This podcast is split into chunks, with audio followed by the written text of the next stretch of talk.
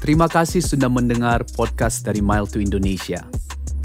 Mile to Indonesia membagikan kabar baik dari Tuhan kita Yesus Kristus kepada semua orang di muka bumi ini dengan memberi penguatan setiap minggunya melalui firman Tuhan.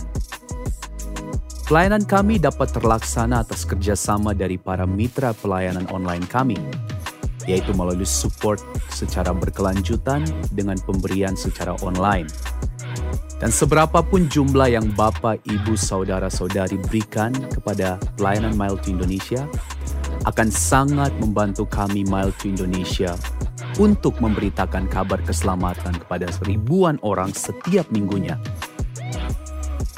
Jadilah mitra pelayanan kami dengan mengunjungi website kami miletoindonesia.com. Dan sekali lagi, terima kasih banyak atas semua support yang diberikan dan selamat menyaksikan berita firman Tuhan minggu ini. Salam sejahtera dalam kasih Kristus. Saya harap kita semua dalam keadaan sehat. Terima kasih saudara telah bergabung bersama ibadah online Mile to Indonesia. Kita akan mengakhiri seri khotbah kita tentang bagaimana keadaan jiwa saudara. Bagi saudara yang tidak bisa mengikuti khotbah atau tiga khotbah yang terdahulu dalam seri ini, saudara bisa mengikuti kembali melalui Facebook Mile to Indonesia atau saudara bisa mengikuti melalui YouTube dan juga saudara bisa mengikuti melalui website kami indonesia.mile2.church. Karena hal ini saya rasa sangat penting bagi keadaan rohani kita, demikian juga penting bagi jiwa kita. Karena jiwa kita sangat penting bagi kita, maka kita perlu memberi perhatian yang penuh kepada jiwa kita ini. Sebenarnya banyak hal yang kita bisa bicarakan tentang topik bagaimana keadaan jiwa saudara. Tetapi hari ini untuk mengakhiri khotbah ini saya akan berbicara tentang jiwa yang tenang. Sebelumnya saya mengajak kita berdoa bersama. Mari kita berdoa.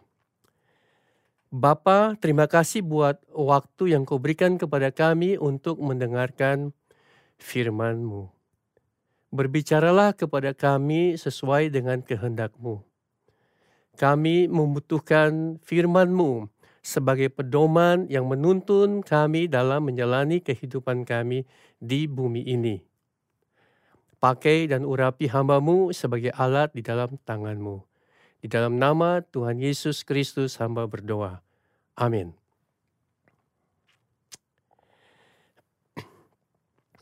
Masa di mana kita berada saat ini, hidup kita bisa dipenuhi dengan bermacam-macam kesibukan dan suara-suara bising yang masuk di telinga kita.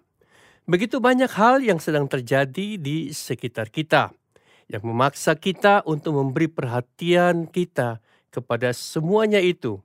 Ada begitu banyak kemudahan yang bisa kita dapati pada masa ini untuk mendapatkan informasi, mendengar berita, hiburan yang bisa mengganggu jiwa kita. Karena saat ini kita bisa mendapatkan semuanya itu secara terus-menerus selama 24 jam dalam seminggu.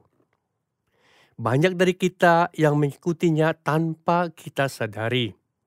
Banyak dari kita yang terus-menerus dikelilingi dengan suara-suara bising dengan hal-hal yang sedang terjadi di dunia ini.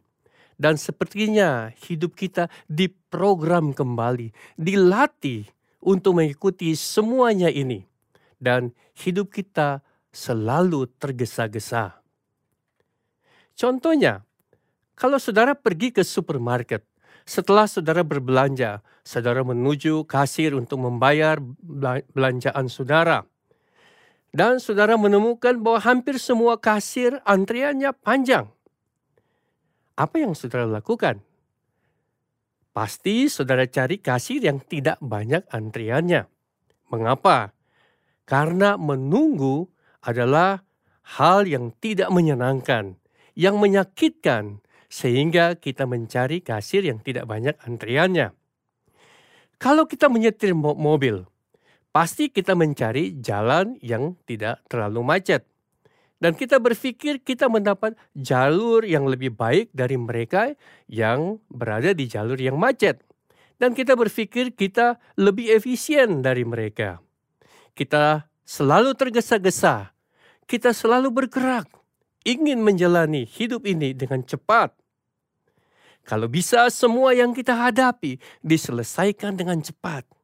Kita mau menjadi orang yang lebih efisien dalam menjalani hidup ini suara-suara, penampilan, semangat, energi dari orang-orang, media, dan pandangan-pandangan mereka membanjiri pikiran kita setiap hari. Ada yang berkata bahwa mereka susah tidur.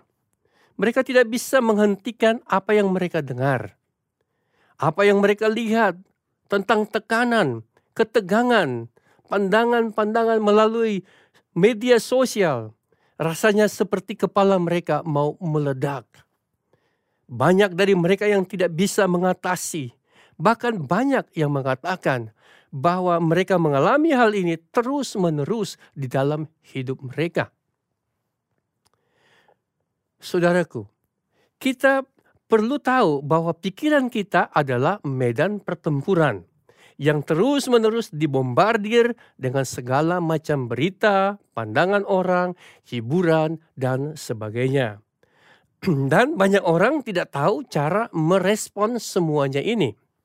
Sebagai orang Kristen, apa sebenarnya respon saudara kepada semua hal ini? Kepada dunia di sekitar saudara. Kita perlu hidup dalam damai sejahtera, hidup dalam ketenangan, hidup dalam penguasaan diri, dan lebih sabar sehingga kita bisa melihat diri kita lebih positif dan kita bisa melihat dunia di sekitar kita dengan cara yang positif juga.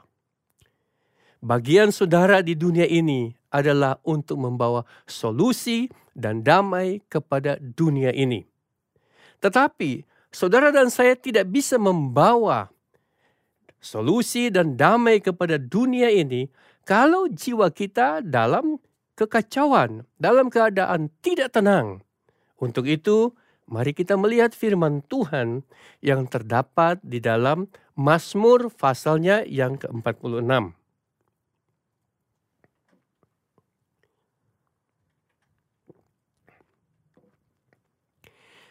Mazmur pasal 46 adalah Mazmur yang tidak ditulis oleh satu imam saja, tetapi ditulis oleh sekelompok imam dari Bani Korah.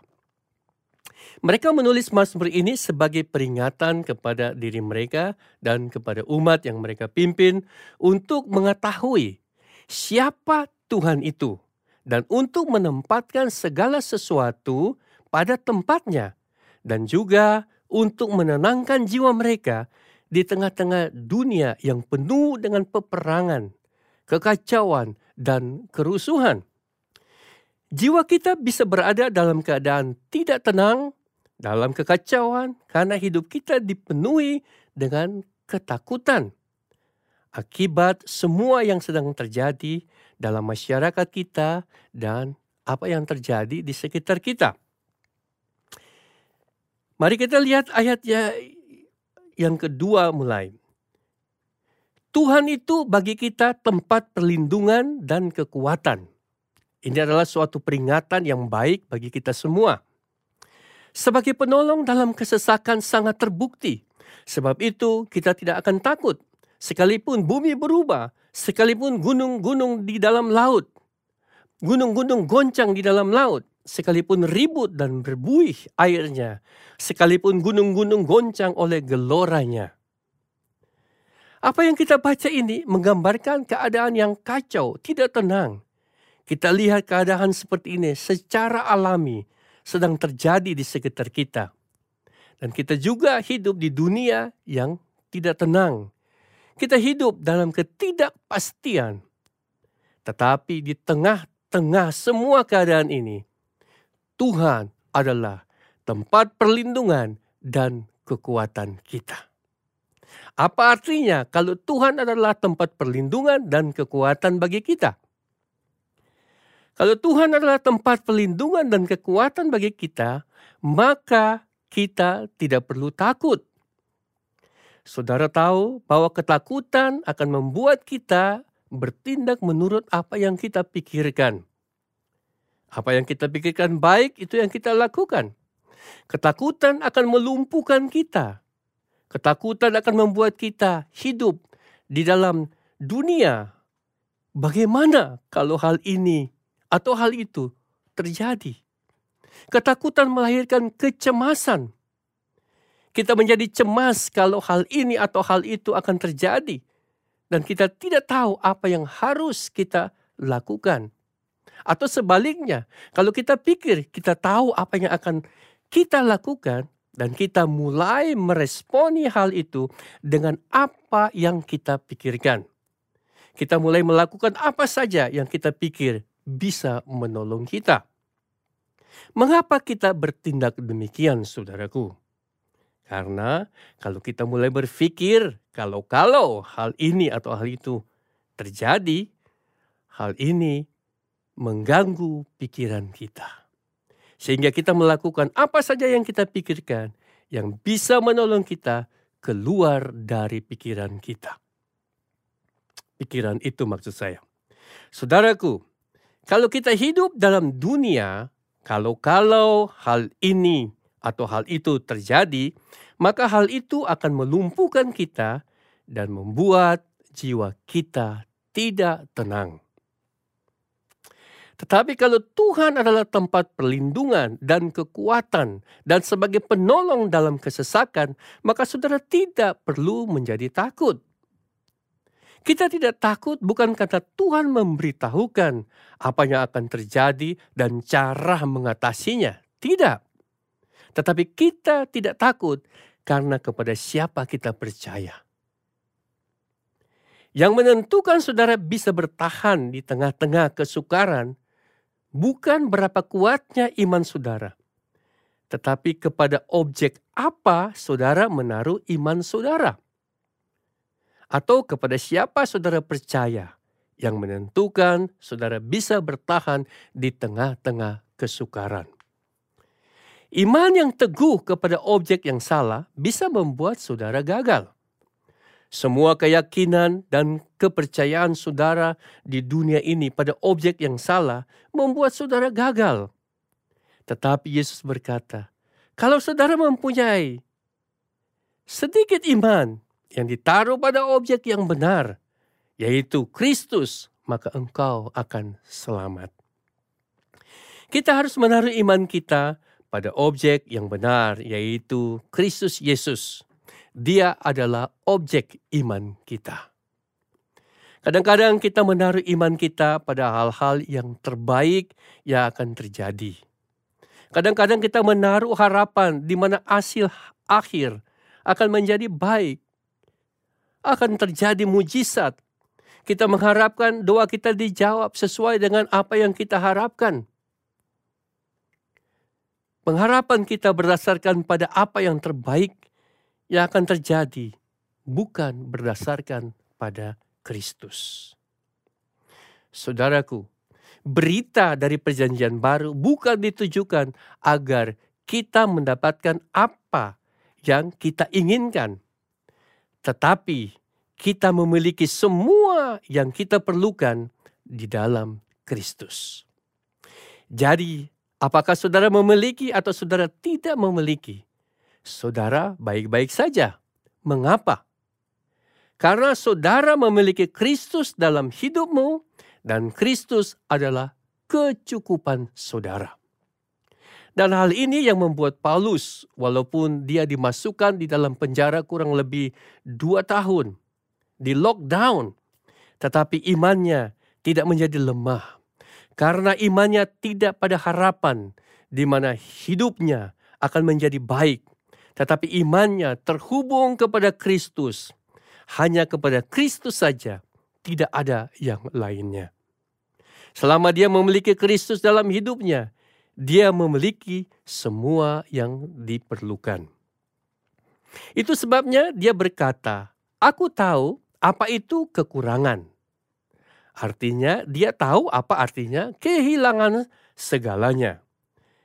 Dan juga dia berkata, "Aku tahu apa artinya kelimpahan." Artinya, aku tahu apa artinya memiliki lebih dari apa yang aku inginkan atau apa yang aku perlukan. Dia juga berkata, "Apakah aku hidup atau mati?" Artinya, apakah umur hidupku panjang atau singkat? Imannya tetap kuat. Mengapa, saudaraku? Karena imannya berakar, berdasar, diletakkan pada Kristus saja. Mungkin ada beberapa dari saudara yang mengalami krisis iman. Mungkin imanmu gagal. Mungkin saudara tahu beberapa dari orang yang saudara kenal, iman mereka gagal. Mengapa saudaraku? Karena mereka menaruh iman mereka pada objek yang salah. Kita banyak kali menyanyikan lagu, ku percaya hanya kepada Kristus. Tetapi dalam kenyataannya kita mengharapkan bahwa pada akhirnya Tuhan akan menolong, membantu menyelesaikan semua masalah yang kita hadapi. Bagaimana kalau doa kita tidak dijawab sesuai dengan apa yang kita inginkan? Di mana kita menaruh iman kita? Apakah kepada harapan akan doa-doa yang dijawab? Kepada harapan pada mujizat yang kita harapkan akan terjadi? Atau kita menaruh iman kita hanya kepada Kristus saja? Seperti pengalaman Rasul Paulus. Kalau Kristus adalah perlindungan dan kekuatan kita, dan sebagai penolong dalam kesesakan, maka kita tidak perlu merasa takut karena Dia beserta kita. Mari kita melihat ayat-ayat selanjutnya. Dalam ayat yang kelima dan seterusnya dia berkata, Kota Tuhan, kediaman yang maha tinggi, disukakan oleh aliran-aliran sebuah sungai. Tuhan ada di dalamnya. Kota itu tidak akan goncang. Tuhan akan menolongnya menjelang pagi. Bangsa-bangsa ribut, kerajaan-kerajaan goncang. Saudaraku, kalimat ini menunjukkan kepada kerajaan-kerajaan, pemerintahan-pemerintahan yang ada di bumi ini datang dan pergi, muncul dan menghilang. Tetapi kota Tuhan, kerajaan yang tidak tergoncangkan, kerajaan Kristus akan tetap untuk selama-lamanya. Ia memperdengarkan suaranya dan bumi pun hancur Tuhan semesta Allah menyertai kita. Kota benteng kita ialah Tuhan Yakub. Pergilah, pandanglah pekerjaan Tuhan yang mengadakan pemusnahan di bumi, yang menghentikan peperangan sampai ke ujung bumi, yang mematahkan busur panah, menumpulkan tombak, membakar kereta-kereta perang dengan api. Dan Tuhan yang perkasa itu berkata, Diamlah, dan ketahuilah bahwa akulah Tuhan.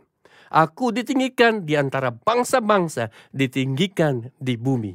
Hal ini yang akan kita bicarakan di sini. Apabila saudara mendengar gunung-gunung goncang dalam laut, gemuruh air, gemuruh air laut yang begitu hebat, seperti apa yang baru-baru ini terjadi di kerajaan Tonga dekat Fiji. Apa yang saudara lakukan? Pastilah saudara mencari tempat perlindungan yang aman dan berdiam di sana. Dan inilah yang Tuhan katakan di sini. Diamlah dan ketahuilah bahwa akulah Tuhan. Aku akan ditinggikan di antara bangsa-bangsa, ditinggikan di bumi. Tuhan semesta alam menyertai kita. Kota-kota benteng kita ialah Tuhan Yakub. Dalam ayat 11 di sini kita lihat ada dua hal yang sederhana. Yang pertama ialah diamlah atau berdiam, artinya berhenti. sehubungan dengan pembicaraan kita di sini, diamlah berarti kita mencabut atau memutuskan diri kita dari perkara-perkara yang menguras jiwa kita. Apabila saudara melihat semua kejadian di sekitar saudara, yang menakutkan, hal itu akan menguras jiwa saudara. Hidup dalam dunia, kalau-kalau hal ini atau hal itu akan terjadi, saudara tidak bisa menjalani hidup ini. Itu sebabnya Tuhan berkata, diamlah, berhenti dari semua hal yang mengganggu dan menguras jiwa saudara. Dan yang kedua dikatakan di sini, ketahuilah bahwa akulah Tuhan. Jadi di sini kita diberitahukan bahwa setelah kita berdiam, berhenti dari semua hal yang menguras jiwa kita, selanjutnya kita harus terhubung dengan sumber yang memberi kehidupan. Saya mengambil contoh apabila saudara menggunakan cellphone atau HP saudara. Maka energi dalam baterai saudara berkurang. Jalan satu-satunya agar energi dalam baterai cellphone saudara itu bisa bertahan, saudara tidak atau tidak semakin berkurang, maka saudara harus berhenti menggunakannya. Supaya energi dalam baterai cellphone saudara tidak cepat habis. Tetapi untuk menambah energi dalam baterai sehingga menjadi penuh kembali, maka cellphone saudara harus terhubung dengan sumber tenaga, sumber listrik, sumber energi itu. Jika kita, jiwa kita seperti baterai saudaraku, dan dunia di sekitar kita sedang menguras kita, tetapi kita bisa mencegah jiwa kita untuk tidak terkuras habis dengan menghentikan kesibukan-kesibukan dunia ini. Dan banyak dari saudara telah melakukannya dengan cara mengambil waktu santai, mengambil atau mencari hiburan. Memang hal seperti itu baik. Ada waktu-waktu di mana kita perlu santai dan membutuhkan hiburan. Tetapi hal ini tidak mencharge atau tidak mengisi kembali jiwa kita tetapi hanya membantu memperlambat terkurasnya jiwa kita. Saudara, ada perbedaan antara berhenti dari kesibukan dan kesibukan dan pengaruh dunia dan terhubung untuk diisi kembali. Kita lihat kembali ayat 11 tadi.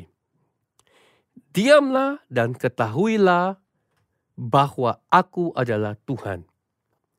Agar supaya jiwa kita bisa di-charge kembali. Kita tidak hanya berdiam atau berhenti dari kesibukan dunia ini, tetapi kita juga harus terhubung dengan sumber hidup itu, yaitu Tuhan. Kita harus memusatkan kembali pikiran kita kepada Tuhan dan menerima kekuatan dan pembaharuan dari Tuhan. Hal ini membutuhkan latihan dan jiwa kita membutuhkan latihan seperti itu, yaitu berhenti dari kesibukan dunia dan terhubung dengan Tuhan sumber hidup itu. Kita hidup di masa perubahan perkembangan budaya yang terbesar dalam sejarah manusia, yaitu melalui penemuan-penemuan dan bangkitnya internet. Sebagai akibatnya, kita tidak bisa menolak apa yang masuk dalam pikiran kita. Kita tidak bisa menolak apa yang kita pikirkan. Dan internet menyajikan berita, hiburan, pandangan-pandangan orang. Seperti buffet yang menyajikan bermacam-macam makanan. Setiap saat, setiap hari jiwa kita diberi makan sesuatu. Dan bersamaan dengan itu saudaraku, ada sesuatu di dalam kita yang kelaparan. Apa yang saudara beri makan pasti bertumbuh, berkembang menjadi besar. Dan yang kelaparan, yang tidak diberi makan, pasti menyusut menjadi kerdil. Memang tidak semua yang saudara dengar atau nonton melalui teknologi ini salah. Tetapi ada harga yang harus dibayar saudaraku. Nicholas Kerr, seorang penulis yang telah mencetak buku-buku dan artikel tentang teknologi, bisnis, dan budaya, ia berkata, apa yang tampaknya dilakukan internet adalah mengurangi kapasitas saya untuk konsentrasi dan kontemplasi. apakah saya sedang online atau tidak. Pikiran saya sekarang mengharapkan untuk menerima informasi dengan cara internet mendistribusikannya dalam aliran partikel yang bergerak cepat. Pada waktu itu, saya adalah seorang penyelam dalam lautan kata-kata. Sekarang saya meluncur di permukaan seperti seorang pria di atas jet ski. Saudaraku, internet merubah kita dalam cara-cara yang kita tidak sadari. Nicholas Kerr menambahkan, secara neurologis, kita menjadi seperti apa yang kita pikirkan. Bahkan Saint Augustine, seorang teolog dan filsuf, seorang bishop dari Hippo Religious di Numinia, Afrika Utara, yang hidup pada zaman Romawi. Ia mengatakan bahwa saudara menjadi seperti apa yang saudara renungkan atau apa yang saudara pikirkan. Hal ini sangat penting karena hal-hal yang kita renungkan dan konsumsikan membentuk pikiran dan kehidupan kita secara nyata. Ada beberapa langkah agar Kristus dibentuk dalam hidup kita. Mari kita melihat langkah-langkah ini. Langkah pertama, mengurangi berita-berita yang saudara dengar dan mengurangi sosial media. Berita selama 24 jam dalam seminggu terus-menerus merupakan racun bagi jiwa kita. Berita yang menarik perhatian kita dan juga yang menakutkan adalah upaya yang terang-terangan untuk menghasilkan uang dari perhatian, kecemasan, dan kemarahan kita. Hampir setiap kantor berita telah mengadaptasi strategis berbasis pemasaran digital yang dirancang untuk menyedot saudara, terhubung dengan saudara secara emosional, dan membuat saudara kembali lagi untuk mendapatkan berita-berita yang terbaru. Hal ini merupakan salah satu alasan mengapa lebih banyak lagi orang bertengkar dan berargumentasi tentang politik, tentang pandangan-pandangan orang dalam berita dan peristiwa-peristiwa yang terjadi di dunia ini. Memang baik saudara mendapat informasi, tetapi pada saat saudara memberi waktu untuk mendengar informasi, hal itu bukannya suatu kebajikan atau suatu latihan rohani. Jiwa saudara, sukacita, damai, dan kesejahteraan lebih penting dari pengetahuan yang saudara terima. Filipi pasal 4 ayat 8 sampai 9 berkata, Jadi akhirnya, saudara-saudara, semua yang benar, semua yang mulia, semua yang adil, semua yang suci, semua yang manis, semua yang sedap didengar, semua yang disebut kebajikan dan patut dipuji, pikirkan semuanya itu. Saudaraku, kita perlu berdiam diri dan merenungkan perkara-perkara ini. Perkara yang benar, yang mulia, yang adil, yang suci, yang manis, yang sedap didengar, yang disebut kebajikan, yang patut dipuji. Hal-hal ini yang perlu kita pikirkan. Kita bukan memikirkan ketakutan, ke kebengisan, kekejaman, atau keadaan-keadaan yang ada, yang terjadi di sekitar kita. Ingat apa yang dikatakan Saint Augustine tadi. Saudara menjadi seperti apa yang saudara renungkan. Saya tidak tahu tentang saudara, tetapi saya tidak mau menjadi berita utama. Orang yang diberitakan pada berita utama yang diberitakan selama 24 jam dalam tujuh hari.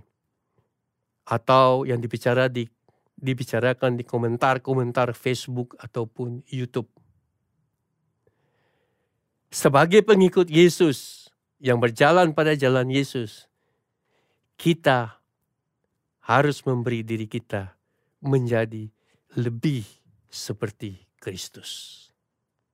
Langkah yang kedua, menerapkan latihan keheningan dan menyendiri atau kesunyian. Yesus memisahkan diri berkali-kali dari orang banyak agar supaya dia bisa berada dalam suasana keheningan dan menyendiri. Kitab-kitab Injil menulis bahwa selain Yesus berdoa, dia pergi untuk menyendiri dan mendapatkan suasana hening. Yesus pergi ke padang belantara selama 40 hari sebelum memulai pelayanannya. Matius 4 ayat 1 sampai 11. Yesus pergi seorang diri ke bukit sebelum memanggil kedua belas muridnya. Lukas 6 ayat 12. Setelah mendengar kematian Yohanes Pembaptis, saudara sepupunya, dia meninggalkan orang banyak itu supaya dia bisa seorang diri bersama bapaknya. Matius 14 ayat 13. Yesus pergi seorang diri untuk berdoa sesudah memberi makan 5.000 orang yang datang mendengar pemberitaannya. Matius 14 ayat 23. Begitu pula sesudah menyembuhkan seorang kusta. Lukas 5 ayatnya yang ke-16. Pada malam ketika dia ditangkap sebelum disalibkan, Yesus bersama dengan murid-muridnya di Taman Getsemani. Tetapi dia juga pergi seorang diri untuk berdoa. Matius 26 ayat 36 sampai 46. Keheningan dan kesunyian adalah praktek penting bagi Yesus. Yesus tidak pernah memisahkan diri dari orang banyak untuk melarikan diri. Dia memisahkan diri untuk di-charge, diisi kembali. Sehingga dia bisa membawa kesembuhan dan pemulihan kepada dunia ini. Saudaraku, supaya kita bisa sehat secara rohani, kita juga perlu mengambil waktu-waktu tertentu setiap hari, walaupun hanya 20 atau 30 menit dalam satu hari. Dan mengambil waktu sehari dalam seminggu. Apakah hari Sabtu, hari Minggu, atau hari-hari apa, hari libur saudara. Saudara berhenti dari kesibukan saudara. Menghentikan semua kebisingan saudara dalam hidup kita. Dalam hidup saudara. Dan memusatkan diri kita dalam hubungan dengan Bapa Surgawi. Mengapa kita harus lakukan hal ini? Agar supaya kita bisa menjadi orang yang dapat membawa kesembuhan dan kehidupan kepada dunia yang rusak ini. Mari kita berdoa.